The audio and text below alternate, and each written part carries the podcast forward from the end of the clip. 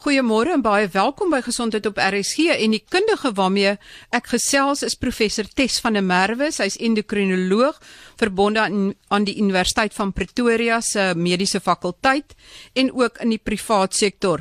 Professor van der Merwe, vertel vir ons bietjie meer oor menslike kronioniese hormoon. Dit is die plasenta hormoon want ek het opgelees kyk eers in die eerste plek was daar 'n TV-program wat gesê het mense kan gewig verloor en hulle het al hierdie mense op 'n spesiale pakket gesit wat met 'n M begin en hulle uh, daar is dan inspuitings wat hiermee gepaard gaan. En toe ek gaan oplees toe sien ek dit is menslike korioniese uh hormoon wat nou die plasenta hormoon is. Maar wat is hierdie hormoon en kan dit enigsins help vir gewigsverlies?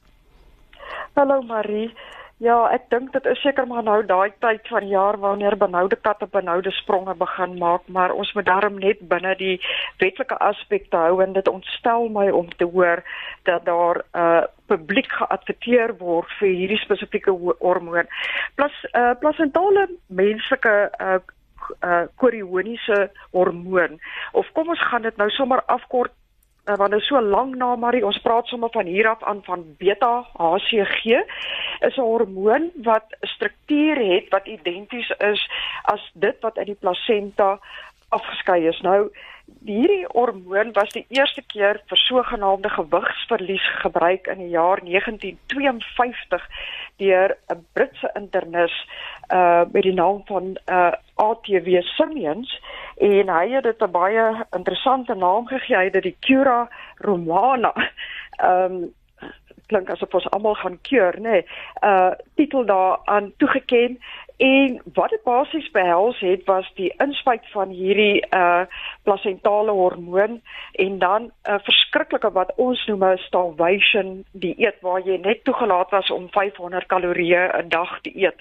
Intussen tyd het hierdie spesifieke produk deur verskeie uh rondes van uh uh verwerping gegaan. Nou waar die probleem inkom is is dat as dit voorgeskryf word vir die gebruik van gewigsverlies is dit wat ons in die Engels noem totally off label. Nou off label vir ons mense daar buite beteken dat jou mediese raad vir beheer op medisyne het dit nie goedgekeur vir die gebruik van gewigsverlies nie omdat daar hoegenaamd geen bewyse ooit in die literatuur gevind was om aan te dui dat dit wel suksesvol is met uh gewigsverlies nie en dat die bietjie gewigsverlies wat daar in ongekontroleerde studies geproduseer was meer was as gevolg van hierdie uh absolute uitverhongerings uh dieet Nou die teorie agter dit was dat uh as jy die molekule namaak wat vrouens uh afskei tydens hulle swangerskap, kan jy 'n tipe van 'n naarheid uh in die mense uh teweegbring, amper soos 'n oggendnaarheid, uh behalwe dat in hierdie geval voel hulle amper die hele dag naar en dat dit dus sou lei tot 'n verminderde uh kosinname. Die probleem waarmee ons as mediese mense te doen het is is dat hierdie produk is 'n baie waardevolle produk om te help met infertiliteitsbehandeling. So daar is dokters wat dit voorskryf vir suiwer mediese redes van infertiliteit. En dit beteken dat die produk is wel beskikbaar in die mark. Maar as hy off-label gebruik word, word hy gebruik buitekant sy aanduidings soos wat dit goedgekeur is deur die mediese raad. Nou kom ons kyk hoekom is ek so ontstel daaroor. In die man kan dit lei tot geweldige verhoogde vlakke van testosteroon afskeiding. Dit kan selfs lei tot oormatige bors uh, uh vroulike borsvormingspatrone in in die man. Ehm uh, dit kan lei tot testikulêre en prostaat uh, kanker as dit voortdurend gebruik word en dit is hoekom infertiliteitsspesialiste dit geweldig vir geweldige kort tydjies gebruik in 'n uh, 'n manlike pasiënt amper om 'n uh, 'n uh, 'n uh, uh, baan in die liggaam te kickstart as ons dit so kan. So dit is 'n uiters gespesialiseerde veld van gebruik. In vroulike pasiënte word dit vir dieselfde doeleindes uh gebruik, uh weer eens vir infertiliteitsbehandeling, uh, maar as 'n reservemiddel op 'n baie kortstondige basis. Nou die neeweffekte wat 'n mens kan kyk as hierdie produkte uitermate lank gebruik word of in die doserings wat hulle so byvoorbeeld in die Cura Romana wat 125 eenhede ingespuite eenhede per dag is, dan begin jy kyk na afgryslike neeweffekte waarvan die grootste enkele ene pulmonale emboliste was en die jongste gedokumenteerde geval vir hierdie bloedklont deur die long in so 'n pasiënt was 'n 'n 'n 'n jong meisie wat maar net 19 jaar oud was en sy is dood aan daai bloedklont wat deur die long gegaan het. Daar's ook gevalle beskryf waar dit beroertes veroorsaak het uh in baie jong mense. So dit is nie 'n 'n 'n gebruik wat enigsins beskikbaar behoort te wees in die algemene praktyk nie. Dit is onwettig en mense wat hulle inlaat vir hierdie tipe van behandeling moet besef dat as iets met hulle sou gebeur, het hulle geen voet om op te staan by die mediese raad nie omdat dit nie geregistreerde produk is nie. Met ander woorde, kom ons sê uh, my uh, niggie gaan daarop en sy kom iets ernstig oor, as haar geval dan geneem word na die mediese raad om te sê dat hierdie gebruik ehm uh, was wat tot haar uh uh, uh siekteproses of selfs dood gelei uh, gelei het, dan sit jy met 'n geweldige regswetlike probleem want die pasiënt moet kennis dra van die feit dat dit 'n onwettige voorskrif basis is. En dit is 'n groot probleem, Marie, want hoe nou gedoen? Want dis aan dokters, dis aan dokters wat dit inspuit. Weet en dit is wat die redenasie altyd van die luisteraar is of die mense wat my kontak. Dit moet mos veilig wees want die dokter gee dit. Marie, ek dink ek en jy weet al dat ons is ongelukkig met die veld van geneeskunde.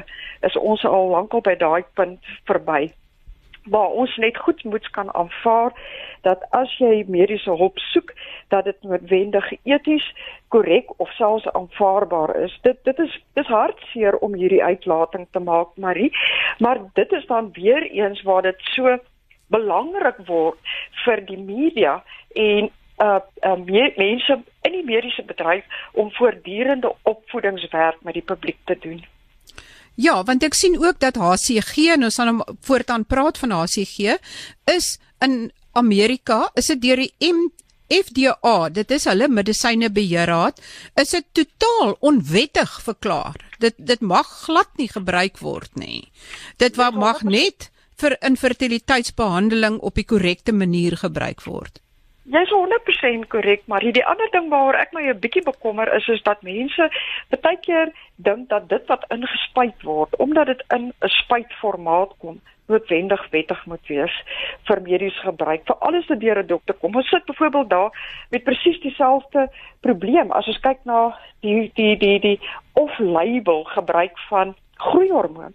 Nou groeihormoon is 'n ongelooflike waardevolle hormoon in jong kinders. Daar's kinders wat ly aan groeiversteurings wat gehelp moet word met die regte doseringshormoon op die regte tyd in die hande van kundiges, maar daar het jy presies dieselfde probleem. Dit is op voorskrif beskikbaar en wat ons nou vind is is dat daar mense is uh in ons professie of dit nou op die swartmark professie is, maar daai groeihormoon beland in die hande van mense wat dit adverteer vir mense as gewigsverlies uh uh preparaat. Die argument agter dit sou wees dat groeihormoon kan lei tot 'n verhoogde vorming van spiermassa en dit is waar.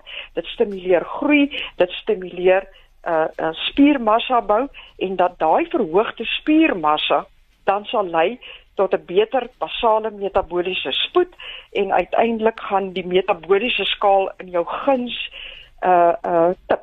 Maar die probleem is weer eens ons kyk na off-label voorskrifte en as jy kyk na die gevare wat verbonde is aan daai tipe van voorskrifformaat, dan weet ons groeihormoon kan lei tot uiterste aggressie, uh gemoedsversteurings, uh as dit uh oor die langtermyn uh, gebruik word, kan dit selfs lei tot onomkeerbare suikersiekte. Dit kan lei tot onomkeerbare forme van stresreaksies in die liggaam wat dan lei tot 'n verhoogde bloeddruk en ek dink baie keer is die pasiënte se se gevoel ag ek gaan dit net gebruik en kyk hoe dit werk. Wanneer ek sê wanneer dit lankdurig gebruik word, maar hier sit ons weer eens met 'n probleem. Daar is min literatuur oor die uitkomste oor hoe lank is lankdurig. Selfs in kinders sal endokrinoloog wat daai groeiversteurings wil behandel, letterlik katvoet vorentoe gaan, maand na maand, jaar na jaar. So as jy dit op 'n off-label basis gebruik, kan is daar geen manier waarop jy vir die pasiënt kan sê, meneer of mevrou, as jy hierdie vir langer as 'n week, 2 weke of 'n maand gebruik, dan gaan dit en dat die gevolge wees. Al wat ons weet is is dat die komplikasies begin intree en dat baie van daai komplikasies kan dan totaal onomkeerbaar word. Ehm uh, so groeihormoon is die ander ene. En terwyl ek praat oor die groeihormoon, maar hier wil ek sommer dadelik spring na 'n ander uh, verskynsel wat ons sien. En dit dit verstom my dat dit so openlik in baie gimnasiums uh, bespreek word asof dit soos die Engelsman sal sê commonplace is. En dit is die gebruik van insulin like growth factor. Nou gewoonlik kan mense nie die volle naam onthou nie, so al wat jy hoor is is dat nee sis of so uh het my op insulien gesit um om uh spiere te bou en my gewig aan te help. Hulle verwys eintlik nie korrek na die molekuule nie as ons kyk na die kompleksiteit van die molekuule van insulien gaan hy deur verskeie af natuurlike afbraakfases in die liggaam. Uh so gaan hy deur byvoorbeeld 'n uh, 'n uh, 'n ronde wat ons noem proproinsulien en proinsulien. En een van die splitprodukte wat afgeskei word in die liggaam, uh afkomstig van die insulien is wat ons noem insulin like derived growth factor. Nou die groot probleem en hoekom uh insulin derived uh, growth factor geweldig baie aandag gekry het. Uh oor die, ek sou sê vir al die laaste 10 jaar is omdat ons uitgevind het dat 'n verhoging 'n natuurlike verhoging of 'n aktivering in jou liggaam van hierdie spesifieke insulien molekuule kan lei tot sekere gewasse, sekere kankers. En dat as dit opgespoor kan word as die metaboliet of die die produk dan opgespoor kan word, ehm um, kan dit dalk lei tot die diag vroeë diagnose van 'n potensiële uh, verhouding tussen 'n metaboliet en 'n kanker. Ehm uh, daar's geweldig baie navorsing wat op die oomblik ook gedoen word rondom hierdie spesifieke molekuule vir ander toepaslikhede, maar wat nou gebeur het is nou het ons nog voordat ons die volle waarde van hierdie ongelooflike molekuule ehm um, kon kon gebruik wetenskaplik het mense nou op die swartmark ingekom. Hulle het die molekuule nageboots en onthou dit hoef nie altyd 'n menslike vorm daarvan te wees. Ek het ook al gehoor van gevalle waar mense uh die molekuule gebruik het afkomstig van uh byvoorbeeld die vark uh wat nogal interessant genoeg 'n uh, redelike naby struktuur het aan dieselfde tipe van insulien as die mens. Nietemin, die molekuule is nou nageboots. Uh, mense weet hoe om hom te vervaardig. Hy word ook onder uiters seldsame uh uh kondisies gebruik in die mediese praktyk vir goeie redes, maar nou sit ons met die derde tipe van molekuule wat geweldige goeie intensies in die navorsingswêreld gehad het, maar hier sit ons nou met 'n swartmark markproduk wat dit off-label gebruik en daar is geweldige onbeskryflike konsekwensies uh uh vir die gebruik van hierdie tipe van molekuule waarvan die grootste ene en ons grootste enkele vrees is soos ek gesê het dat hy definitief sekere forme van kankerontwikkeling kan aanmoedig as gevolg van sekere eienskappe wat die molekuule het. So dis baie so, ontstellend. En en wat ook interessant is is as mens gaan navorsing doen hieroor, dan sien mens dat beide die HCG, die groeihormoon en hierdie insuliensoortige uh derivaat groeihormoon is alles op die internet beskikbaar sommer sonder 'n voorskrif. Dit is skokwekkend, maar nou verstaan jy hoekom ek sê waar begin 'n mens om hierdie mark te reguleer?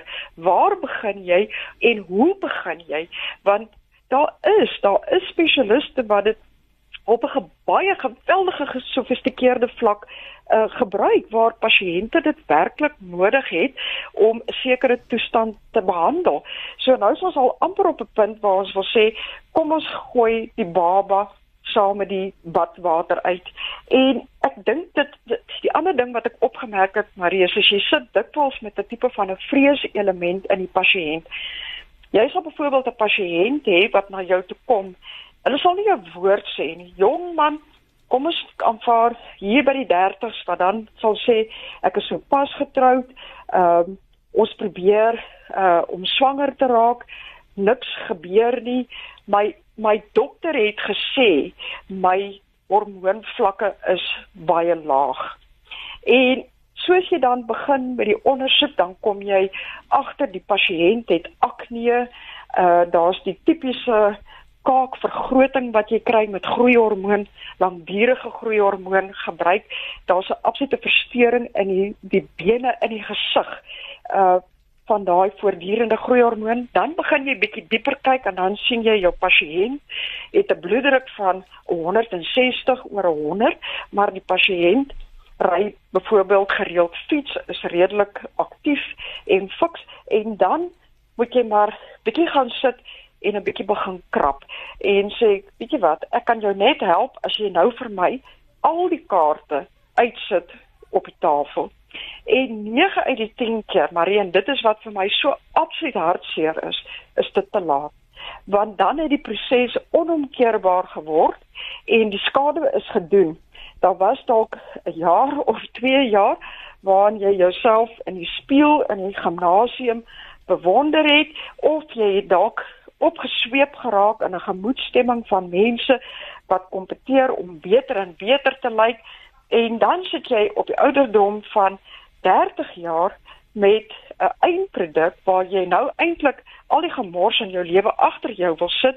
Nou het jy 'n huweliksmaat en die pad vorentoe lyk like, absoluut uh mismoedig.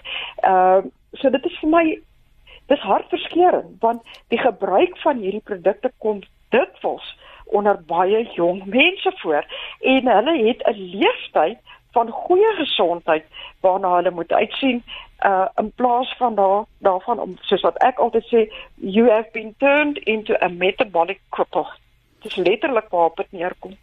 Maar die, en dan as ons nou hou op daai onderwerp van die inspuitings kom ons kom ons takel sommer hierdie ene ook reguit.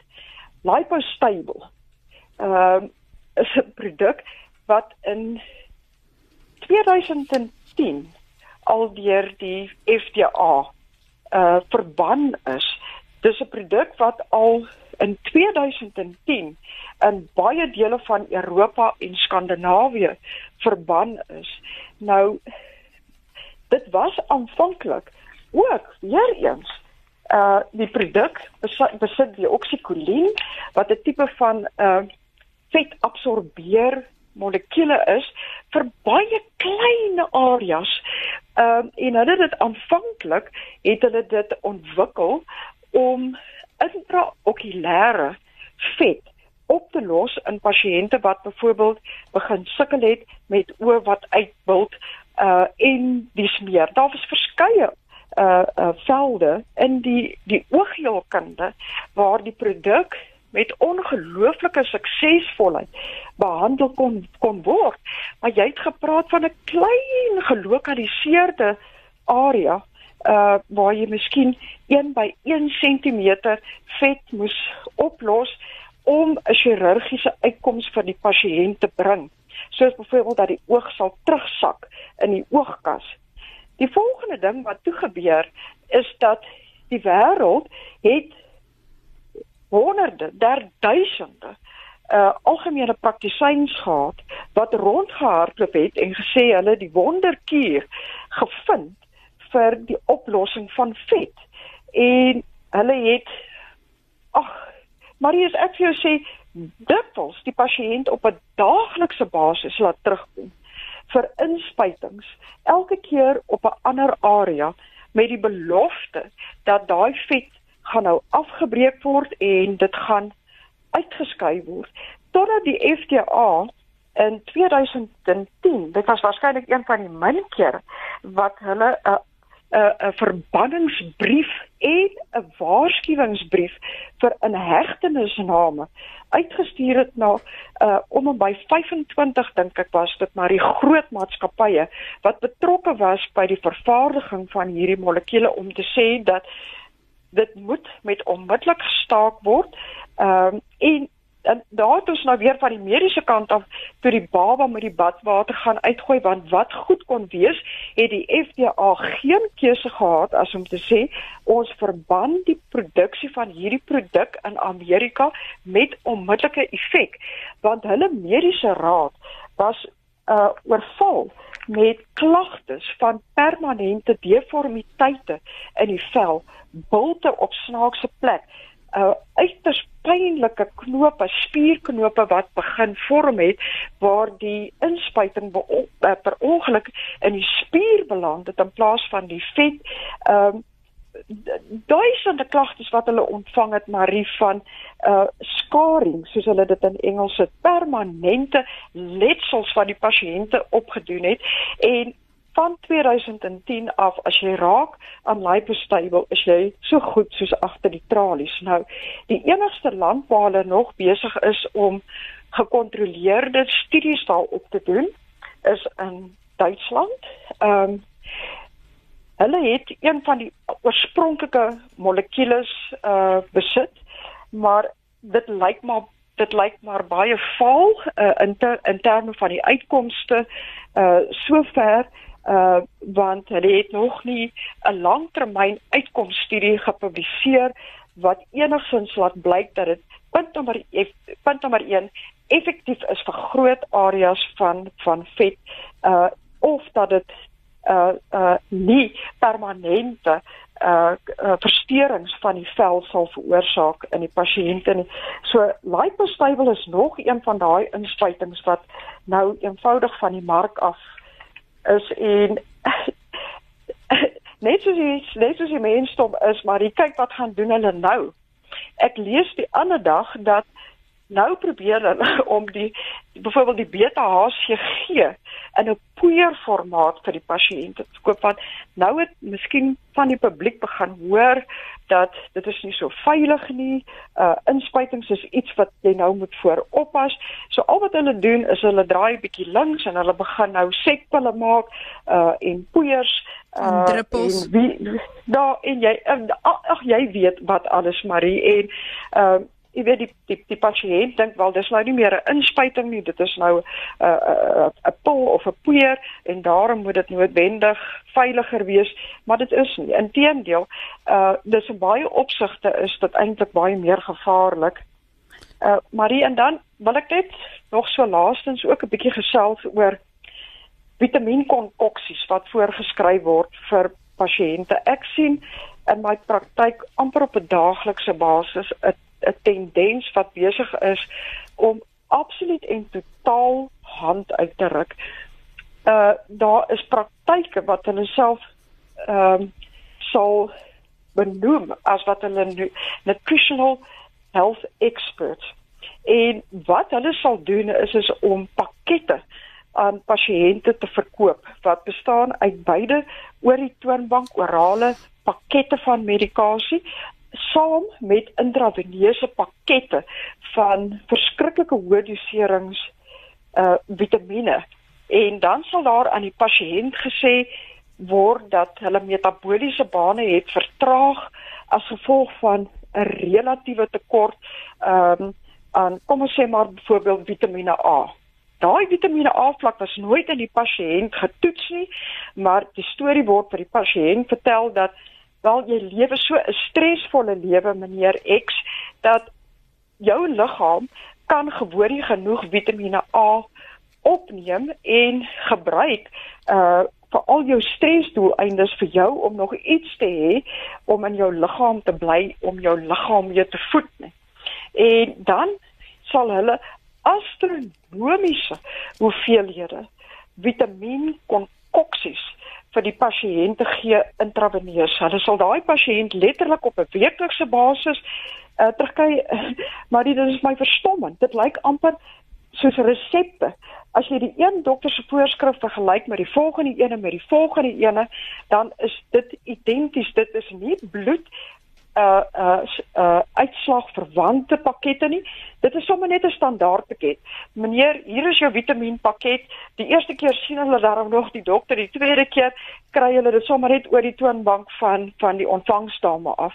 Uh intussen tyd word daar vir die pasiënt gesê, uh jy moet op 'n weeklikse basis terugkry, terugkom uh om jou metabolisme aan die gang te kry met met massiewe doserings vitamiene en dit is fataal Marie want 'n vitamien net so so, so graag dat ons so 'n so mooi naam vitamien klink vir my altyd na so 'n musikale naam. Dit klink so goed en veilig en gesond en almal praat altyd van vitamiene maar vitamiene in oormaat kan geweldige skade veroorsaak. Dit kan lei tot blindheid dit kan lei tot tot tot hartaanvalle in sekere gevalle. Dit kan lei tot permanente neurologiese probleme. So ek wil net weer eens die publiek waarsku teen hierdie tendens wat ek nou so oor die laaste om en by 6 maande in Suid-Afrika sien. Baie dankie professor van der Merwe. Dit klink of ons beslis 'n verdere program hieroor moet doen want ons het letterlik nou net aan die oppervlakte geskraap. Maar ja, ek stem saam uh wees maar baie baie versigtig en ek sal beslis nou 'n reëling maak met professor Tes van der Merwe endokrinoloog verbonde aan die Universiteit van Pretoria se mediese fakulteit om weer en verder te gesels oor enige produkte wat dalk volgens 'n advertensie 'n uitwerking kan hê op gewigsverlies. Tot volgende week dan wanneer ons weer gesondheidsake gesels. Groete van my, Marie Hudson.